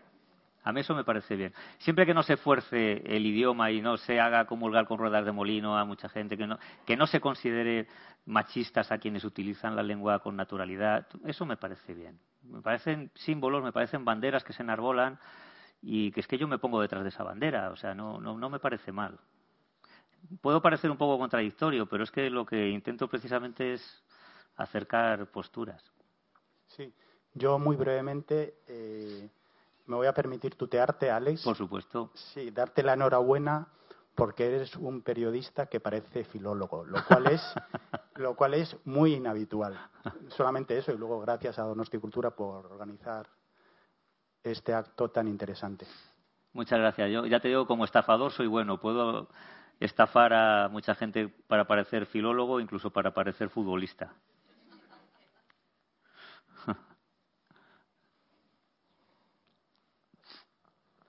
Bueno, pues yo propongo que ya que parece ser que últimamente se admite lideresa, se admita también proceresa. Pero lo que ya no me parece muy admisible es llamarle español al castellano, porque español es de nacionalidad de pasaporte y español es hay varios idiomas. Entonces, Sí, exactamente. Con eso tenemos un conflicto, ¿eh? porque somos una lengua con dos nombres y siempre, siempre que hay posibilidad de discutir, discutimos. Pero fíjate que, nos tratamos de tú los dos, que en las constituciones de los países de América, donde se dice el idioma español, el idioma oficial de tal país es, prácticamente la mitad dice en castellano y la otra mitad dice en español, que son constituciones de allá, que no tenemos nada que ver con ellas, además las han ido cambiando. Cuba pasó de castellano a español, de español a castellano. Algunas han ido cambiando de la denominación de, de la lengua. O sea que hoy, en el uso común, son sinónimas. eh, sinónimas. Yo, eh, yo creo que es mejor decir castellano en un contexto en que estemos hablando de distintas lenguas españolas. Es decir, si decimos el gallego, el catalán, el euskera y el castellano. Yo ahí no diría el español porque me parece que, choca, ¿no? La- para mí el catalán es una lengua española y el, y el- euskera es una lengua española. Me encantaría eh, tener más conocimientos de, de euskera porque es una lengua que me gustaría sentir mía. Eh, catalán sí, sí, sí podría hablarlo por razones familiares. Eh, y me parece que son... Me, gusta sentirme heredero de esas culturas, ¿no? Y, y me parece estúpida la gente que, que tiene que pone paredes a, a todo eso, ¿no? Y bueno em, es que somos un- una península muy, muy- una península y unas islas muy muy ricas y culturalmente es una pena perder eso no sé si esto suena raro pero, pero lo digo con toda mejor in- intención ¿eh? de, de joder, toda la riqueza cultural es, es fabulosa no el que el que sea heredero de dos lenguas y quiera renunciar a una joder, pues es como si fuera heredero de dos casas y renunciara a una, ¿no? Toda la riqueza está bien. bueno, nadie que se meta un poco conmigo, que... que porque... Si no, os podéis meter conmigo también. porque me he metido en un buen charco con esto. Eh, eh, lo decía María al principio, es un libro valiente. Eso me lo han dicho mucho. Ha sido muy valiente. Y yo digo, pero, pero vamos a ver. Hombre, es que es un El que tema es valiente es genera que- muchas visceralidades, Claro. vehemencias, Pues es- enfrentamientos. pues- Entonces, ¿no? Es como un intento de, de- de- de construir un puente, ¿no? De un Mm. acercamiento. Porque a mí lo que no me gusta es cuando desde el argumentario que está en contra, ¿no? Lo que se trata es de ridiculizar Exacto, eso no el esfuerzo, ¿no? Por, por construir una lengua más, más inclusiva, ¿no? Entonces, y se lleva al, al- al ridículo o a la Mm. No, no. anécdota, ¿no? Entonces, un poco profundizar y ver qué elementos te convencen, qué otros Sí. no, y por qué, qué razones Sí. y qué argumentos nos das, a mí me parece muy interesante. Perdona, una última cosa sobre lo que decías de lideresa, que me- al final no contesté. Fíjate que eh, me parece bien eh, la presión de decir jueza, porque eh, juez consideramos que no, no englobaría o por, por la razón que sea, vale, para destacar el papel de las mujeres. Pero tenemos poeta y poetisa, y ahí la, la presión es la contraria. Sí. La presión es tenemos una tenemos dos palabras y las propias eh, poetas o poetisas quieren acabar con la palabra poetisa, pero jo, es el caso contrario al de juez, ¿no? Tienes ti- poeta para hombres y mujeres Pero cuando por lo tenías poetisa para distinguir a las mujeres, que es lo contrario que pasa con juez. Y otra tontería que, que se ha instalado, está en el diccionario, es eh, modisto. Modisto atenta contra el sistema de la lengua, o sea, todos los eh, sufijos que terminan en ista, que nombran posiciones, son invariables, no hay istos, no, no hay electricistos, etcétera. Modista es modista, pero los modistas, para no ser confundidos con las modistillas de barrio, con las antiguas costureras, se hicieron llamar modistos. Estoy en contra. Estoy en contra. Son modistas. Y, y Lorenzo Caprile, que estudió lengua, es licenciado en, en lengua y literatura, él dice a mí que no me llamen modisto, yo soy modista. Y, y estoy de acuerdo con él, ¿no? O sea que es curioso cómo se dan Eh, tensiones. tiene que ver con, yo creo, en este caso, atribución de valor claramente. Sí, sí, sí. Modisto, modista, ¿no? Se considera más peyorativo y poetisa parece que tiene menos, ¿no? Reconocimiento social que poeta, que es una palabra, ¿no? Que está como más llena, ¿no? Más reconocida. Pues hay que luchar contra, contra eso, claro. Creo yo, ¿no? Acabemos con esos prestigios falsos, esas ideas. Ya, pero eso es, pre- eso es sumamente complicado, ¿eh? Claro, claro. De cómo atribuimos valor a las cosas Sí, sí. es sumamente complejo cambiarlo. Sí, sí, bueno, hay palabras. es que las- los significantes influyen mucho. O sea, eh, un sinónimo absoluto, perdón, son palabras como sobaco y axila. Pero a que huele peor el sobaco.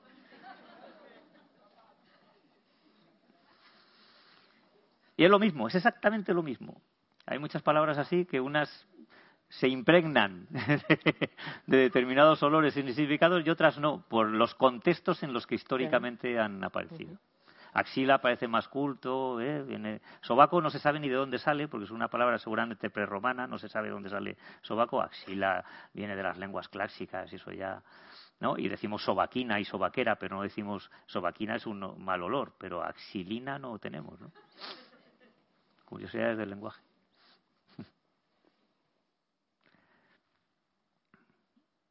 ¿Mm? Iñaki, ah.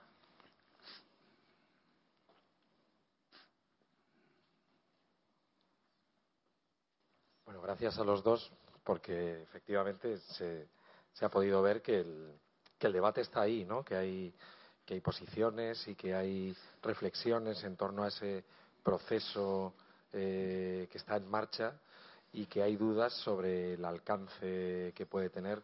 Discrepabais, eh, tú, por ejemplo, afirmabas, eh, María, que, estás convencida de que habrá eh, transformaciones en la lengua cuando la realidad se transforme y tú postulabas que cuando se transforme la realidad puede que haya una manera más, eh, digamos, menos beligerante de aceptar estructuras actuales de, de la lengua. ¿no?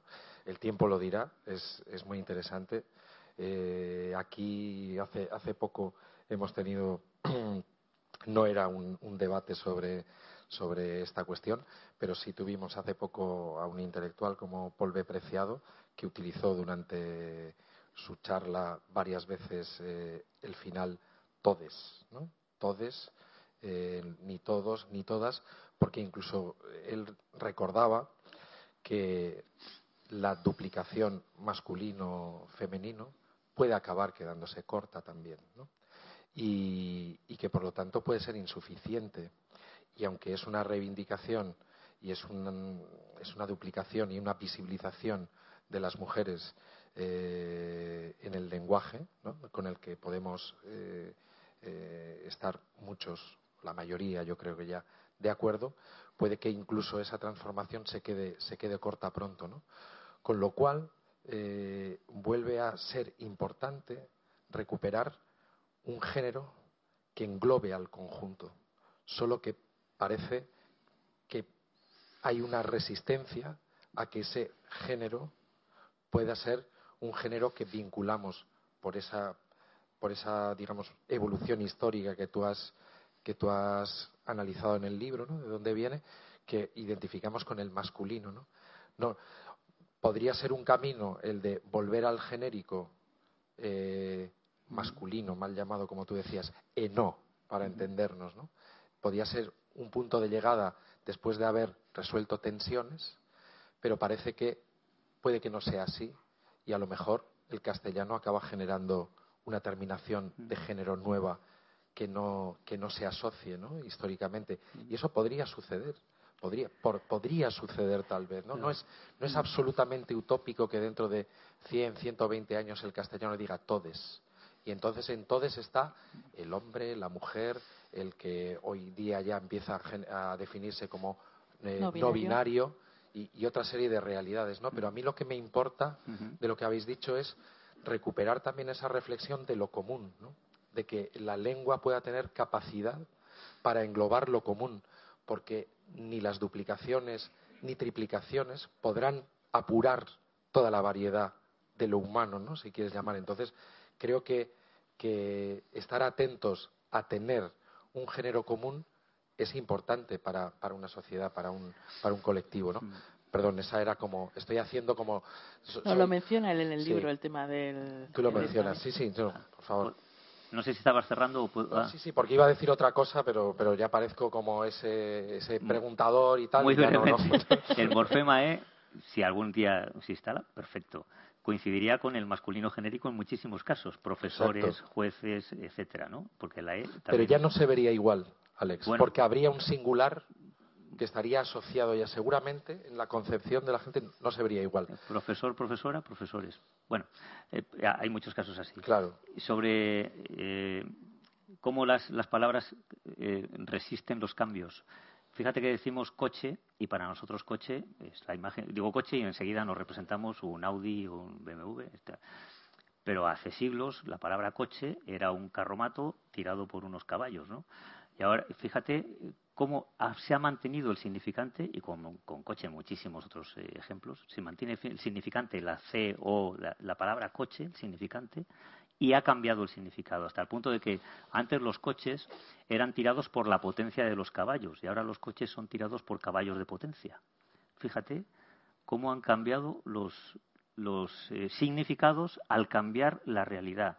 Entonces, si la realidad cambia y se proyecta sobre las palabras, cuando la desigualdad haya desaparecido, es probable que no nos importen las palabras. Porque ya qué más da, si ya somos todos iguales, ¿qué importancia tienen las palabras? No- nadie sabe lo que va a ocurrir dentro de 100 años, pero la aparición de un morfema nuevo es muy difícil. O sea, en la lengua se dice, la lengua evoluciona. Sí, evoluciona el léxico, pero no las estructuras de la lengua. O sea, nadie ha inventado una preposición, nadie ha inventado un adverbio, eh, no se ha eh, descubierto una conjugación verbal desconocida hasta ahora. No pasa como con los planetas, "Ah, un planeta desconocido. ¿eh? Ahora, había una conjugación verbal en, en or, ¿no? Eh, Tenemos ar, er, ir. Se ha descubierto una en or. Bueno, Es muy difícil eso. O sea, lo que concierne a la morfología, la gramática, la estructura de la lengua, es muy difícil que cambie. No ha cambiado en siglos. ¿no? Si cambia, pues estupendo. No, nada que poner. Y si sirve para algo y sirve para la igualdad, perfecto.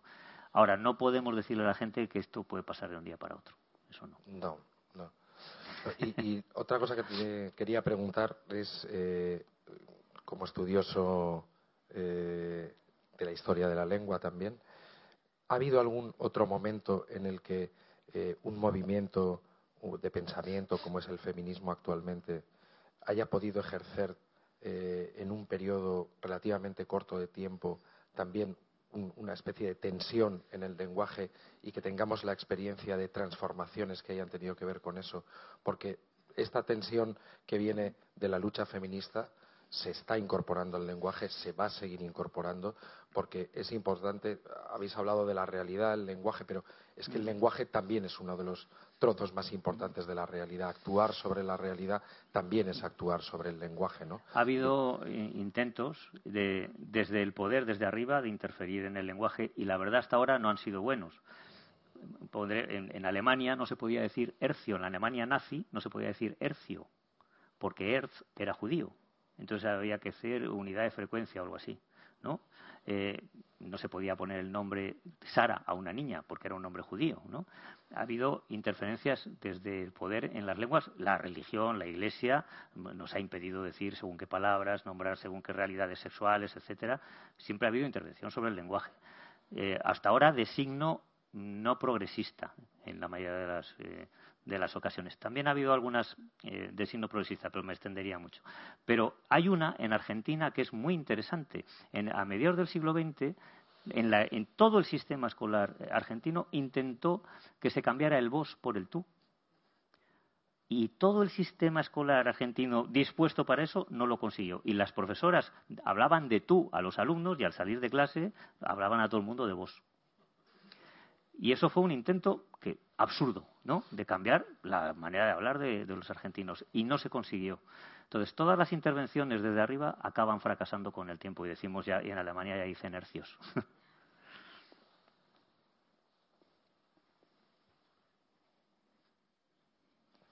Buenas tardes. Me permito discrepar con lo que ha dicho el conferenciante sobaco y axila no son sinónimos puros.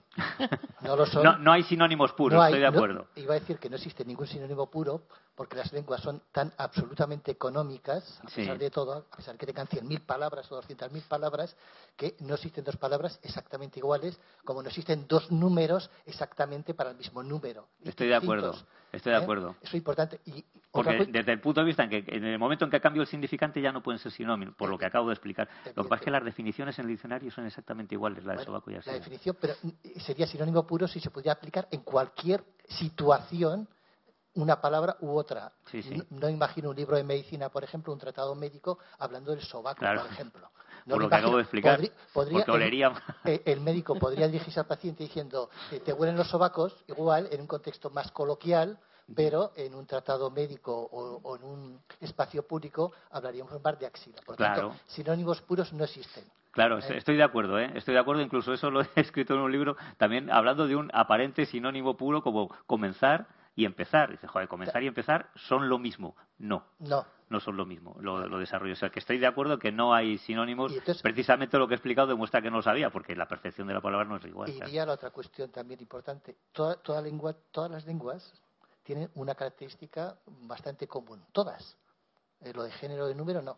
Pero la característica es que, que tienden siempre a la economía. Todas las lenguas tienden a la economía. Y por lo tanto, el problema de, desdo- de desdoblamiento eh, rompe o va en contra, de, vamos a decir, de un fundamento de toda lengua que es la economía, es decir, eh, con, con el menor número de palabras que podamos expresar algo, vamos a utilizar ese menor número de palabras. Así es. De, de ahí vienen el con- eh, conceptos como denotación, connotación, o conceptos como eh, ironía, sentido, doble sentido, pragmática, es decir, todo eso que depende no tanto del contexto, que a fin de cuentas el contexto es meramente lingüístico, sino sobre todo de la situación. Es Sí, decir, sí. los elementos físicos que rodean cualquier acto de comunicación. Y el problema es ese, es decir, nuestra situación no es buena, nuestra situación es, es poco igualitaria, poco igualitaria, y queremos eh, modificar el contexto para que sea igualitaria. Hay que cambiar la situación, es decir, los elementos físicos y reales que hacen que hombres y mujeres no sean tratados por igual. No es una cuestión tanto lingüística de contexto, sino que es de situación. La situación que hace que la mujer, de una forma u otra, desempeñe o consideremos que desempeña un papel distinto al de. Pero eso no tiene que ver con cuestiones lingüísticas. La lengua lo que hace es reflejar cosas y la lengua a veces se emplea como parapeto, ¿no? Para eh, tratar de justificar o tratar de luchar contra una realidad que no es lingüística, es una realidad más física. Y, con respecto a lo de todas, todos, todes, claro, eh, eh, en realidad eh, no todos los seres humanos se identifican ahora mismo con masculino o femenino. Hay género, vamos a decir, fluido. ¿eh? Por lo tanto, ¿cuál sería el elemento? Si, si recuerdan ustedes, las asociaciones, antes era LGT, LGTBI, LGTBI, Q es ahora. Seguramente en un futuro no muy lejano aparecerá alguna otra sigla. ¿Por qué? Sí. Porque no todo el mundo se siente identificado en ese, en ese conjunto de letras que, que simbolizan palabras. Es decir, es, es muy, muy complicado. Entonces, si la lengua atiende a la economía absoluta Sí. y luego tenemos que eh, in- incluir a todos en cualquier acto de comunicación, es muy complicado, porque toda palabra, por definición, se opone a, a todas las demás. Es decir, una palabra existe porque se opone a las demás. Si no se opusiera a las demás, no existiría. Por lo tanto, cada vez que yo digo una cosa, esa cosa la estoy oponiendo al resto de cosas. Claro. es, un, es un problema Así es. ba- bastante complicado. Y así funciona la comunicación. Si yo digo, eh, mi hermana se presentó a unas oposiciones, cuando empezó a trabajar no le gustó eh, lo que hacía. Eh, entre medias falta, oye, ¿las aprobó? Pero todos han entendido que las aprobó porque empezó a trabajar, ¿no? Fíjate cómo algo que no he mencionado sí existe, ¿no?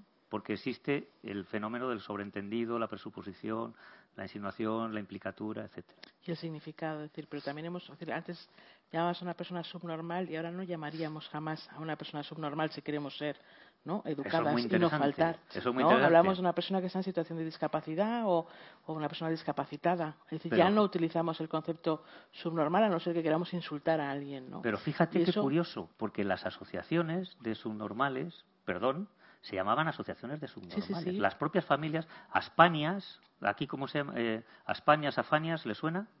La S final era subnormal, la Asociación de Padres, eh, de Padres, ahora es padres y madres, de padres de niños y adultos subnormales, Aspañas. Era la asociación que había en Burgos y creo que en Castilla y León. Y yo recuerdo haber, de, de adolescente, haber participado en festivales en favor de los subnormales. Sin ningún problema. Las propias familias decían, tengo un niño subnormal.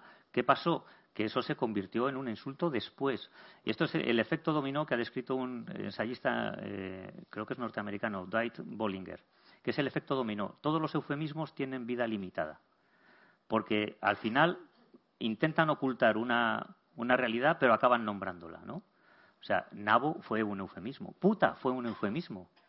La palabra puta fue un eufemismo y, se convirtió en, en lo que en la palabra que nombra lo que pretende ocultar, ¿no? Entonces eh, decíamos antes eh, países eh, países pobres, no, países subdesarrollados, no, países no, países del tercer mundo, no, países del tercer mundo, países en vías de desarrollo, no, no, países emergentes, o sea, todo eufemismo acaba siendo derrotado por, por el que viene después porque se convierte en una palabra que nombra lo que pretende ocultar. Hay muchísimos eh, fenómenos y el de subnor- subnormal era un eufemismo que eh, ocultaba mongólico.